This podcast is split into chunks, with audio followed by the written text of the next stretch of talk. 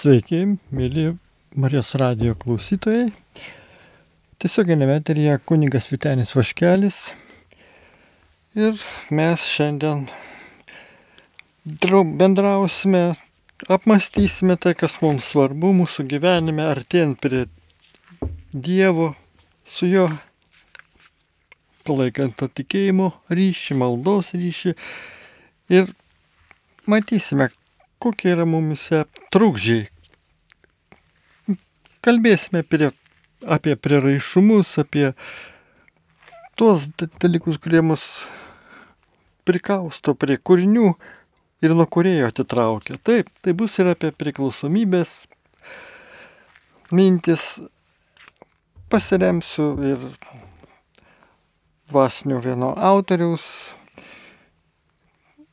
Renal Geraldo Majaus, medicinų mokslų daktaro ir teologo mintimis, kitais taip pat autoriais, Dievo žodžiu be abejo.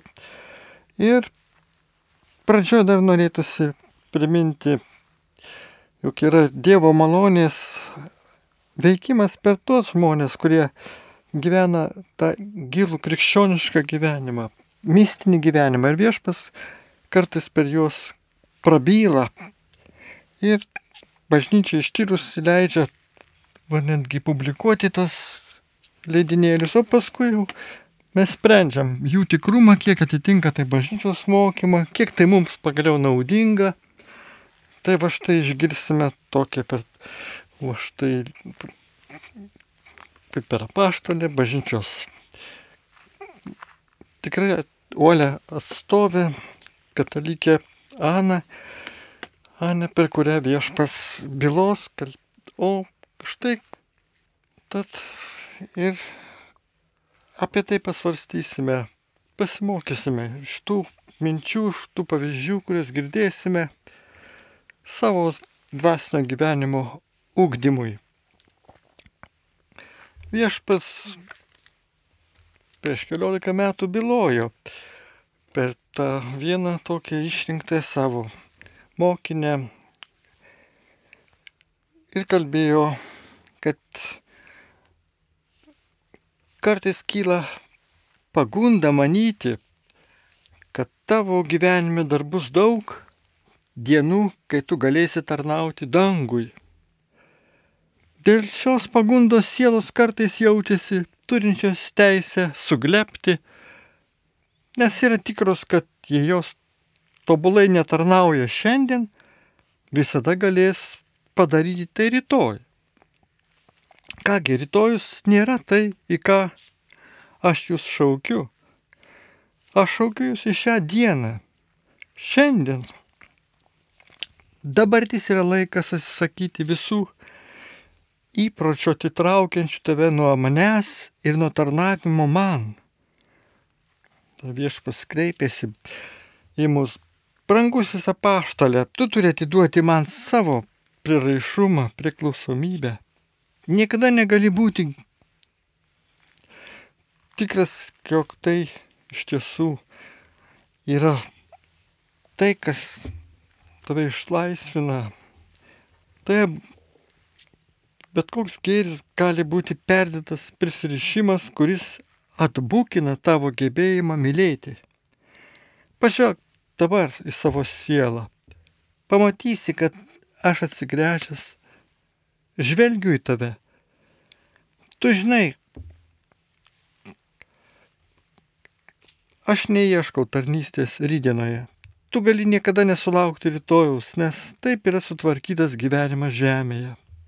Žmogus niekada nežino, kada jis bus pašauktas namo į dangų. Viena tavo dalis yra išsigandusi. Tu bijai, kad be šios priklausomybės tu nebegalėsi būti laimingas. Ar tu patikėsi manimi, jei pasakysiu, kad yra visiškai priešingai? Tu negali būti laimingas, jei jei esi priklausomas, nes prieraišumas kausto tave ir neleidžia patirti mano artumo. aš esu kitose žmonėse, esu tavo mylimuosiuose, tačiau tu iškeli šią savo priklausomybę virš manęs ir virš savo mylimųjų taip, kaip iš, ir virš visų kitų.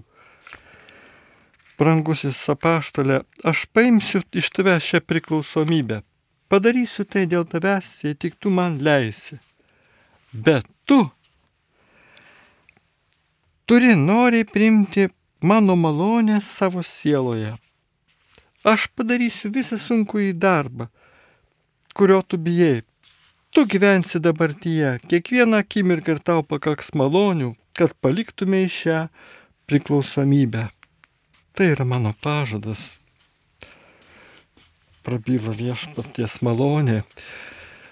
Ir mus visus dabar va štai skatina dar kartą žvilgti ir tą gyvenimo kasdienę situaciją ir sakyti, jog iš tiesų yra įvairiausių, tokių atrodo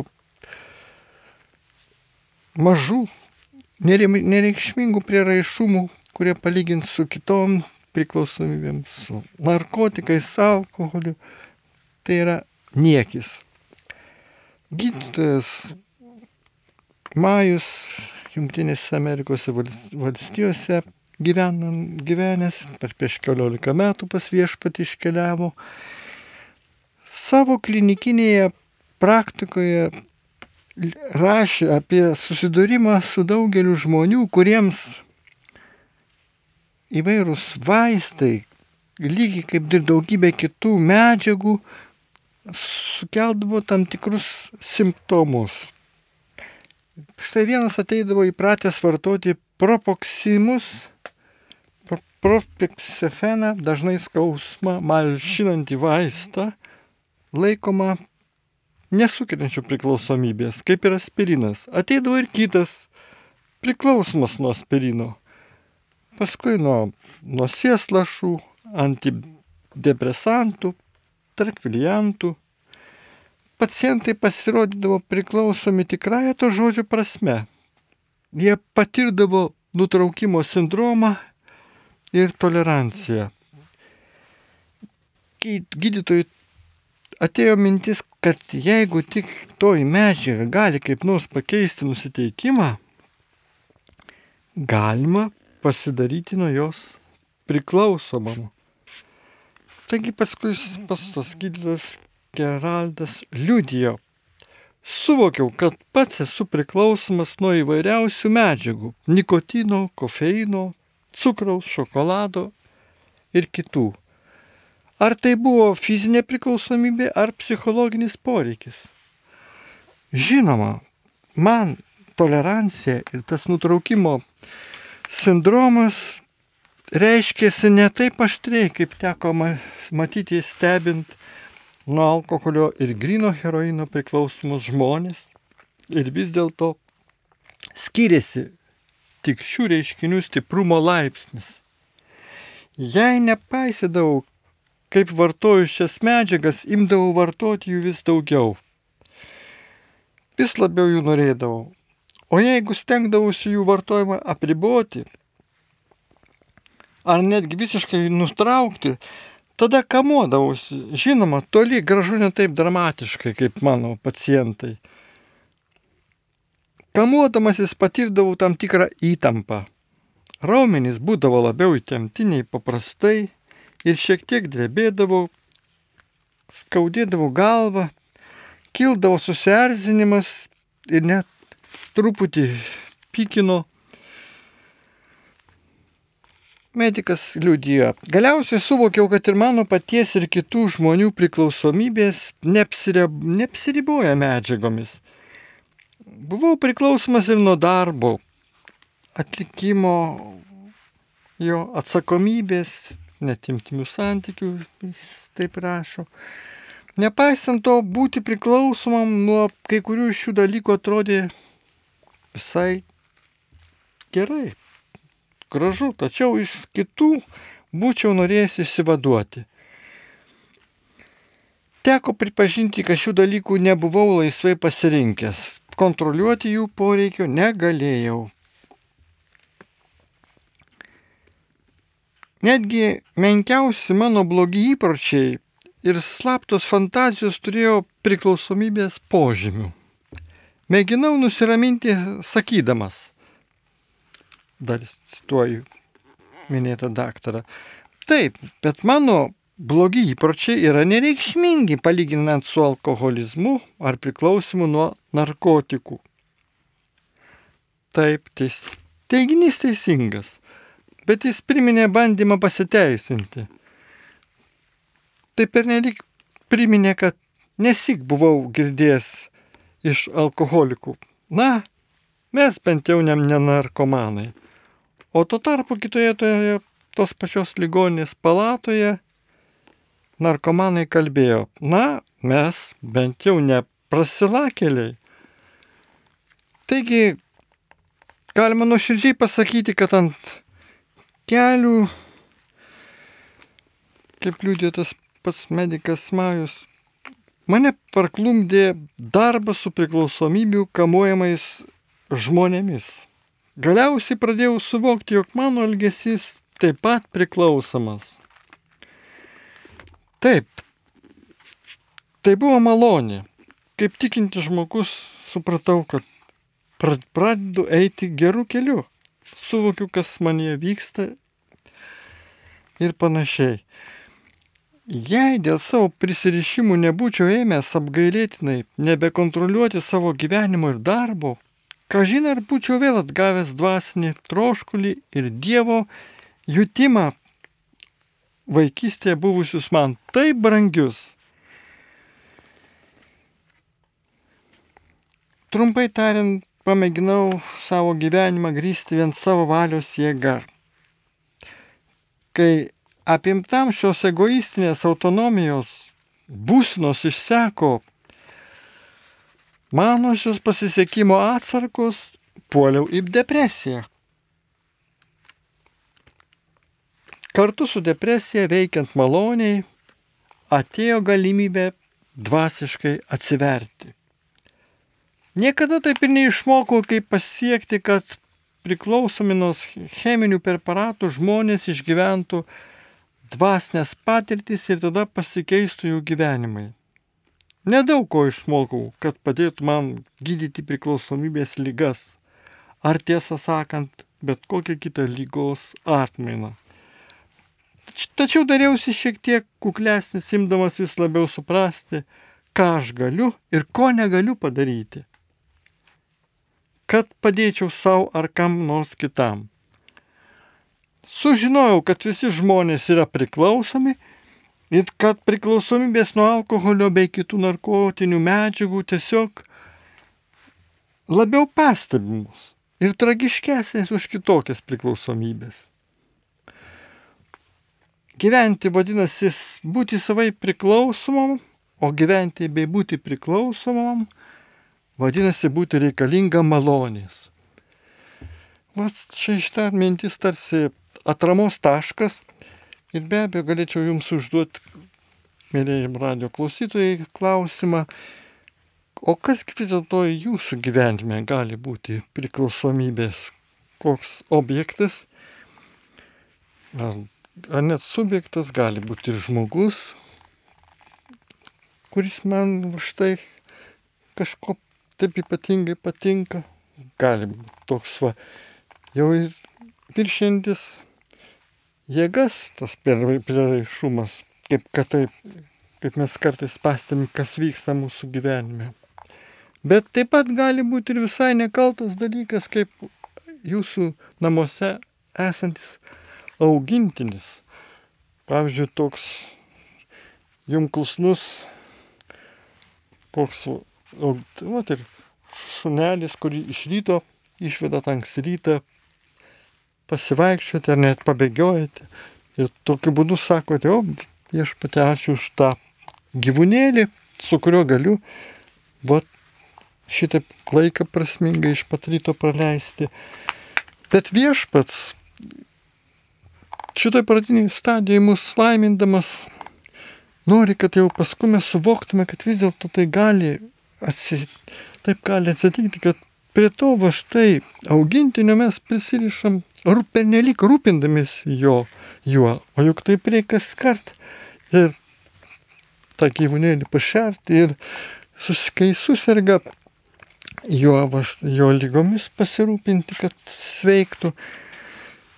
Na ir panašiai, bet vis dėlto tikrai pripažįstu, kad pradiniai tikėjimo kelionėje bet koks augintis gali būti ir tam tikra pagalba žmogui, o jo labiau, jeigu jis ir serga, ar ten jis yra vienišas, gali va štai su juo bendrauti ir kartu viską daryti teisingai. Ir, ir maldai laiko skirti, kitoms pareigoms atlikti, bet vis dėlto ilgainiui dvasinis, kai gyvenimas bręsta, auga ir pastebim, kad tai gali būti mūsų kliuvinys, kad vis dėlto jis kažkiek per dalyk tas augintinis atima laiko. Ir tada va, galime sakyti savo, stop, jau galima reikia, jau ieškosiu išeities, jau kažkam ar atiduosiu, ar kas labiau dar norėtų juo, tuo mano augintiniu pasirūpinti, nei aš pas, nes pastebiu, kad vat, taip per daug atima man laiko ir aš va trumpinu maldas ir kitus užsiemimus ir panašiai. Taip, žmogus turi būti lankstus, turi viešpatės valią pažinti ir kai kuriais atvejais tų brangių mielų augintinių, teikiančių tam tikrą tą paguodą, atsisakyti.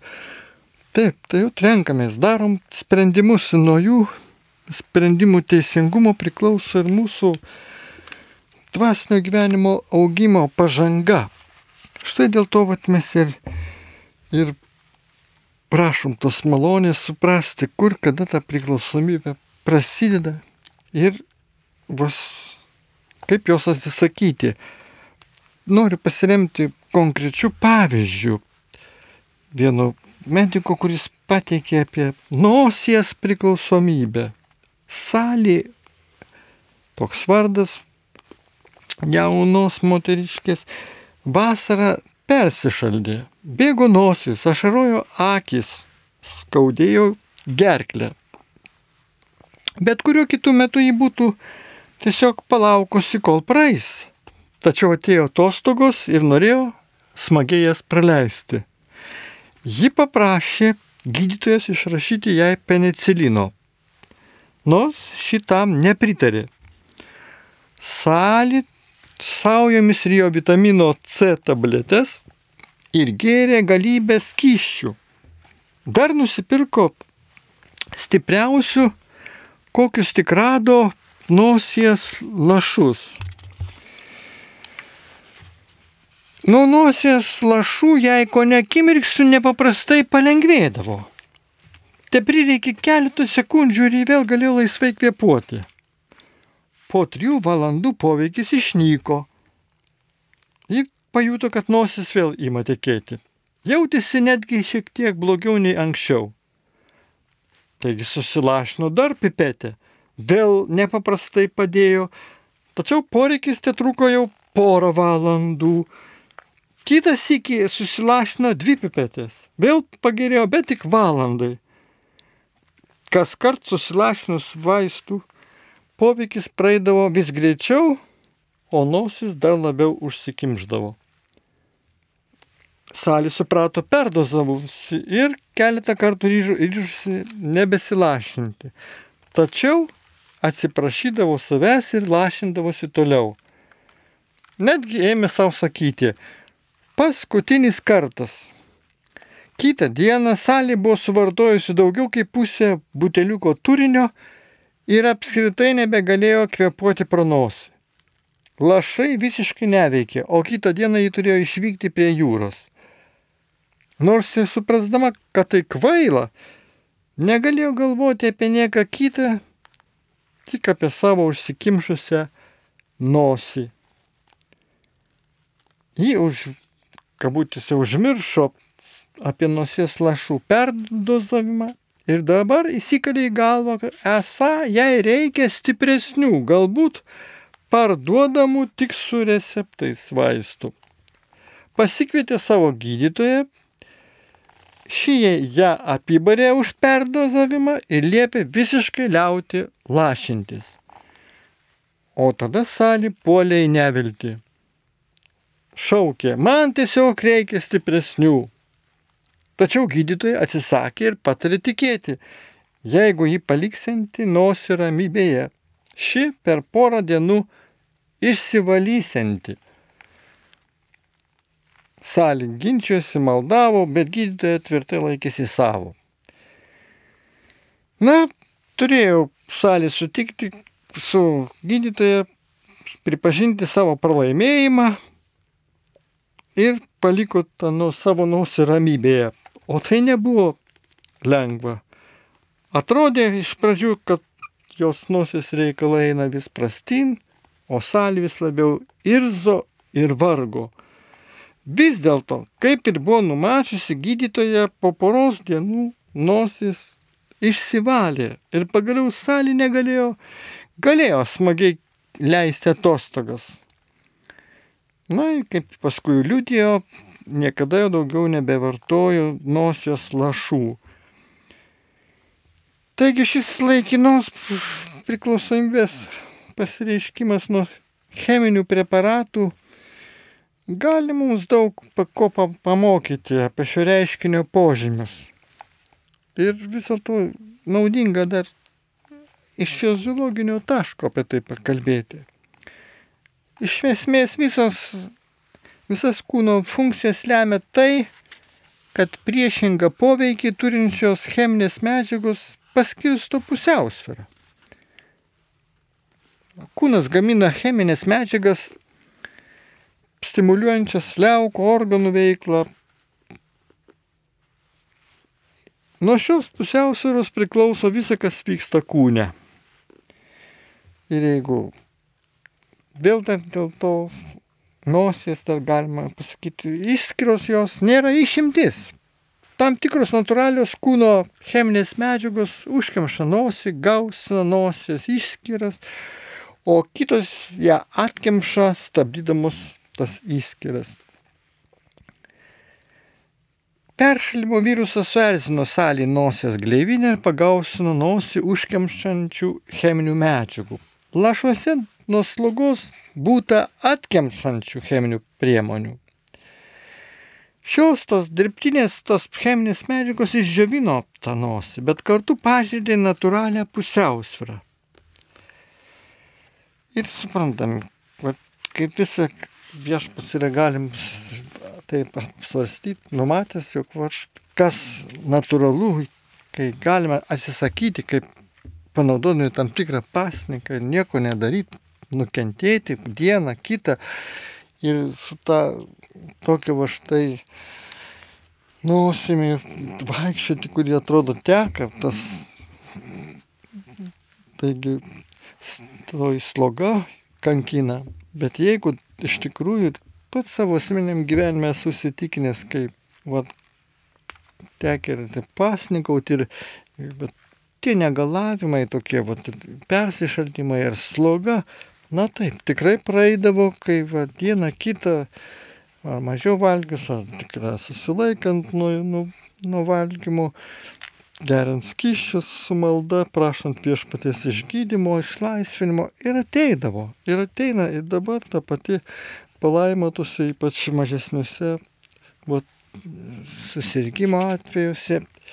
Taigi visą tai darome su tikėjimu ir pasitikėjimu, taip pat protingai panaudodami medicinos preparatus, kurie va, gali sumažinti kitose, va, kitų at, lygų atvejais visus tos simptomus ir net prisidėti prie išgydymo. Trumpai tariant, mūsų kūnas tampa priklausomas nuo medžiagų. Medžiaga keičia kūno natūralių medžiagų pusiausvyrą. Kūnas prie šių pokyčių prisitaiko mėgindamas reikiamą pusiausvyrą atstatyti. Taigi tai daro pri, priklausomas nuo to, jis tampa priklausomas nuo to, kiek medžiagos gauna iš išorės.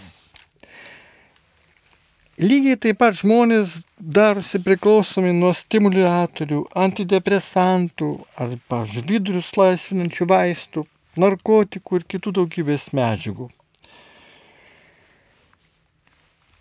Ir užbaigiant šitą pavyzdžio komentavimą, ta, būtina pasakyti, kad toj salės nosies kova vyko draugė su pačios salė vidinė kova, kilusią, kėlusią didelį rūpestį, įkyres mintis, netgi tam tikrą neviltį. O kai viskas praėjo, salė nebegalėjo suprasti, kodėl buvo šitaip sureikšminusi tas savo varvančią nosį, bet tuo metu tai atrodė jos neįsprendžiama problema. Taigi lengvas prisilietimas prie priklausomybės ne tik sukėlė jos gyvenime, tad va tokį sumaištį, tačiau vis dėlto ir dar daugiau pakenkė jai, paskatino minčių gudrybės, taigi jos laisvę suvaržė, valią, gebėjimą mylėti, taip pat štai savaip surakino. Taigi priklausomybė tai kiekviena priverstinė nuolat pasikartojanti elgsena, apribojanti žmogaus troškimo laisvę. Ja sukelia troškimo pririšimas arba prikaustimas prie tam tikrų objektų. Ir tikrai šitam apibūdinime yra tas svarbu, svarbus žodis elgsena, nes jis rodo, kad priklausomybė pirmiausia lemia veiksmas.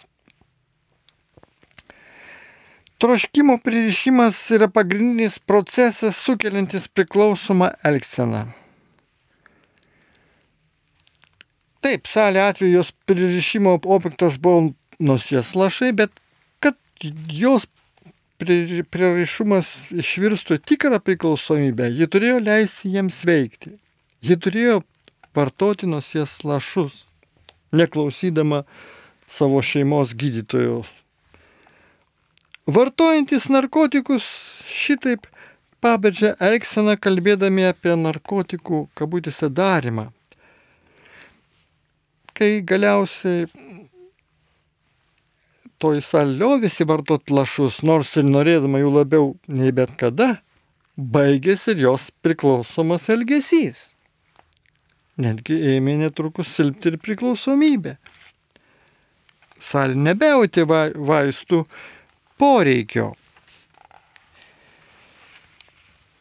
Kaip įsitikinsime, prisirišimo ir priklausomybės santykis nėra toks paprastas, kaip gali atrodyti. Mat smegenys niekada visiškai nepamiršta savo senųjų prisirišimų. Todėl samoningų troškimo nebuvimas nebūtinai reiškia, kad prisirišimas praėjo.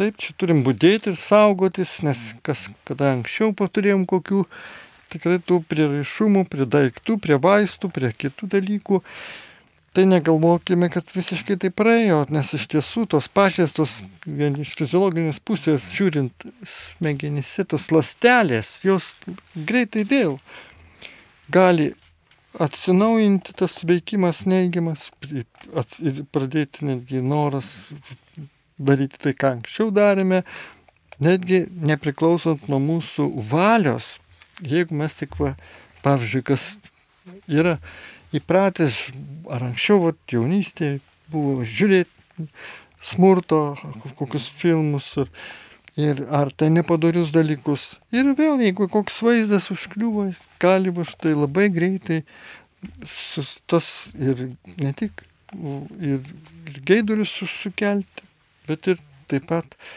ir tą norą sužadinti, tęsti. Taigi įkliuvimas tiesiog į nuodėmę, nuodėmė žabangus. Taigi va štai čia mes va ir, ir turim save jau tikrai stebėti ir žiūrėti su malda, apie tai dar bus apmąstymas vėliau, o dabar štai ką norisi dar pasakyti, kad turint visus tos papildomus svarstymus omenyje, akivaizdu, kad norint iki galo perprasti priklausomybės pobūdį, tai tikrai reikia ypatingo ir tikslumo. Reikšmingas žingsnis siekiant tikslumo būtų galima ištirti šiuos pagrindinius požymius. O jie yra būdingi tikrai priklausomybei. Tolerancija tai toks reiškinys, kai priklausomo elgesio prisiri, arba prisirišimo objekto nuolatos norima arba vis norima daugiau, siekiant pasitenkinimo. Niekada nepakanka to, ką turi ar darai. Galima įsivaizduoti, kad tai maždaug toks pojūtis. Jei tik galėčiau gauti šiek tiek daugiau, viskas būtų puiku. Tačiau iš tiesų apie toleranciją žmogus paprastai nežino, ji būna užmaskuota. Kaip vat minėtų tos salė atveju.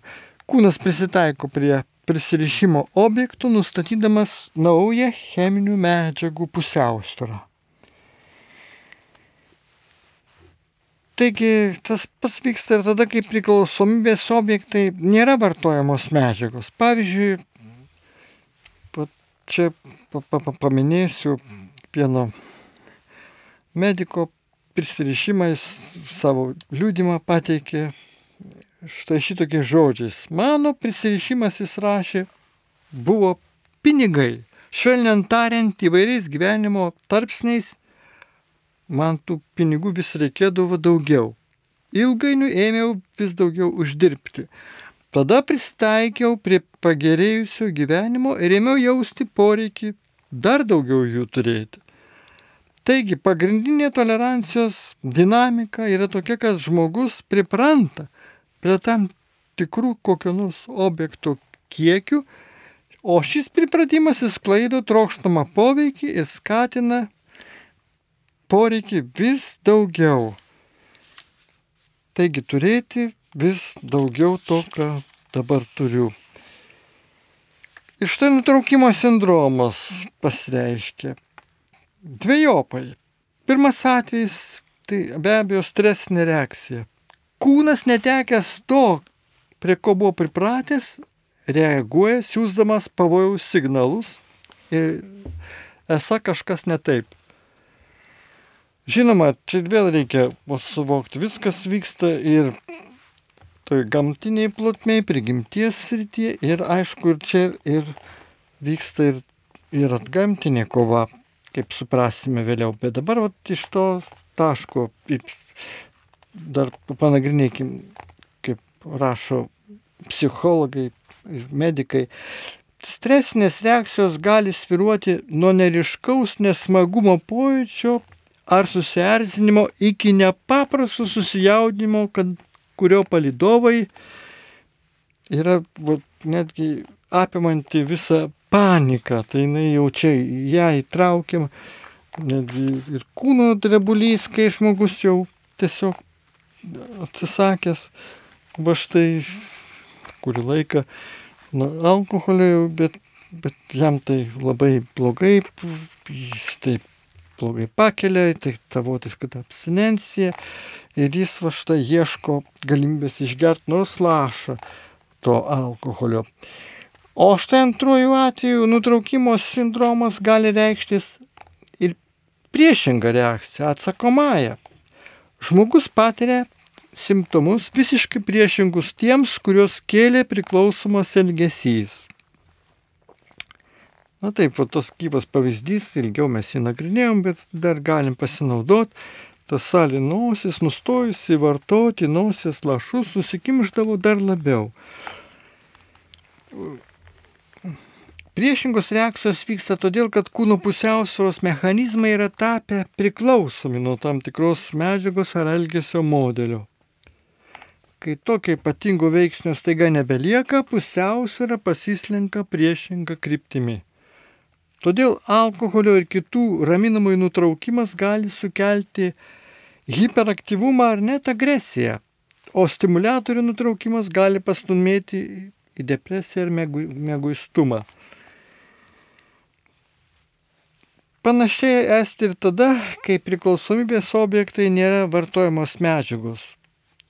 Jei esu priklausomas nuo kitų žmonių palankios nuomonės apie mane ir tik tokiu atveju būnu savim patenkintas, jei esu pripratęs tam tikrais būdais patikti kitiem, tai susidūrė su atviru priešiškumu, ką patirsiu tokiu atveju? Ogi didelį stresą, nusivylimą, nepasitenkinimą, net gal pykti. Ir tuomet be abejo atsakomoji reakcija visiškai gali susviruoti pasitikėjimas savimi. Gali tai gerą be abejo išeiti, kai mes va, ieškosim at, atramos viešpatį, sakydami, va, pats ir negaliu susitvarkyti su savo priraišumais. Na, bet gali kitą kartą ir dar labiau būti sunku ir vis dėlto tai gali būti kaip ir toks tikrai aklavitės, pakliuvimas į aklavitę. Ir todėl vienas iš skiriamų priklausomybės bruožų nepaprastas išratingumas, su kurio protas mėgina amžinai tęsti priklausomą elgseną. Taigi tarp tokių proto triukų yra neigimas, racionalus aiškinimas, pakeitimas ir visi kiti apsauginiai mechanizmai, kuriuos nustatė psichoanalizė. Be to nesuskaičiuojama daugybė kitų, kurių neįstengtų numatyti nedidžiausi psichiatrijos autoritetai. Kai žmogus apgalvotai ir savarankiškai pasiryždamas mėgina kontroliuoti kokį nors priklausomą savo elgesį, ima save žlugdyti. Čia susit... sutelkim dėmesį. Žlugdymą dažniausiai lemia prieštaringi motyvai. Viena valios dalis nuoširdžiai nori įsivaduoti, o kita dalis nori ir toliau elgtis priklausomai. Bet kurios tikros priklausomybės atveju antroji dalis esti stipresnė. Taigi pasiryžimai žlunga. Esant priklausomybei, pagrindinis proto triukas sutelkti dėmesį į valią. Remdamas įvairiais sudėtingais išvedžiojimais, protas atkakliai tvirtina, esas jis iš esmės gali kontroliuoti elgesį. Taigi jis netgi paskatina netgi pasiryžimą liautis. Žino, kad kas kart toks pasiryžimas greičiausiai nais niekais. O kai taip atsitiks, priklausomas elgesys įsitvirtins dar labiau. Taigi gali prireikti daugybės tokių pralaimėjimų, kol žmogus suvokia, kaip iš tikrųjų yra praradęs kontrolę. Valios praradimas yra svarbus apibūdinant skirtumą tarp tikrosios priklausomybės nulemtos vergovės ir laisvės nuoširdžiai kuo nors rūpintis ar tenkit paprastus norus. Štai jeigu pagaunate save tariant, galiu su tuo pat susidoroti, galiu liautis arba galiu be to apseiti, išbandykite paprastą testą. Imkite ir liaukitės. Apseikite be to. Jei jums pavyko, vadinasi, priklausomybės nėra.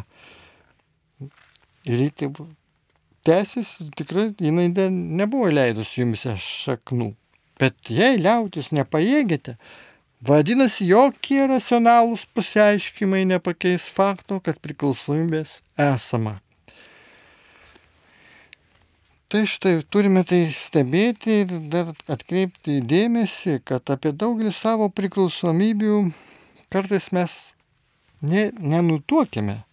Mat protas dažnai įsigūdina nuslėpti šias priklausomybės, net nuo savęs, kol mes gauname tą priklausomybės objekto pakankamai ir dėl to nepatirim to, jokio didesnio sukretimo. Tačiau tai nereiškia, kad mūsų dėmesys yra laisvas kitiems dalykams. Priklausomybė ir jos bendrininkas protas neišvengiamai pasiklemžia mūsų dėmesį ir jį nukreipia visiškai pakirsdami mūsų gebėjimą mylėti. Dėmesys ir meilė artimi partneriai. Meiliai įgyvendinti reikia, kad dėmesys būtų laisvas. Tai be abejo ta laisvė ir viešpačių atsidavimas, jo malonės veikimas čia ateina per maldą ir mes galime dar pasimelsti ir prisiminti va štai. Bet dabar padarysim pertrauką ir atsiliepsim į skambutį, prašom. Paskambino Irena iš Zarasų. Taip, prašom, malonėkit. Gerbėjai Jėzui Kristui. Per amžius viešpačiu. Prašau maldo, užtarimo maldos. Dekterevo lyga. De, kelis dešimtmečius jau kamuojamam Romaldui, Romualdui. Taip, taip. Ir Juškienų, Pipinių Taip. ir Gudziukų. Šeimo. Giminių gyviesiams. Taip. Jau mirusiems Dievo gailestingumą. Nu va, gerai, dėkui.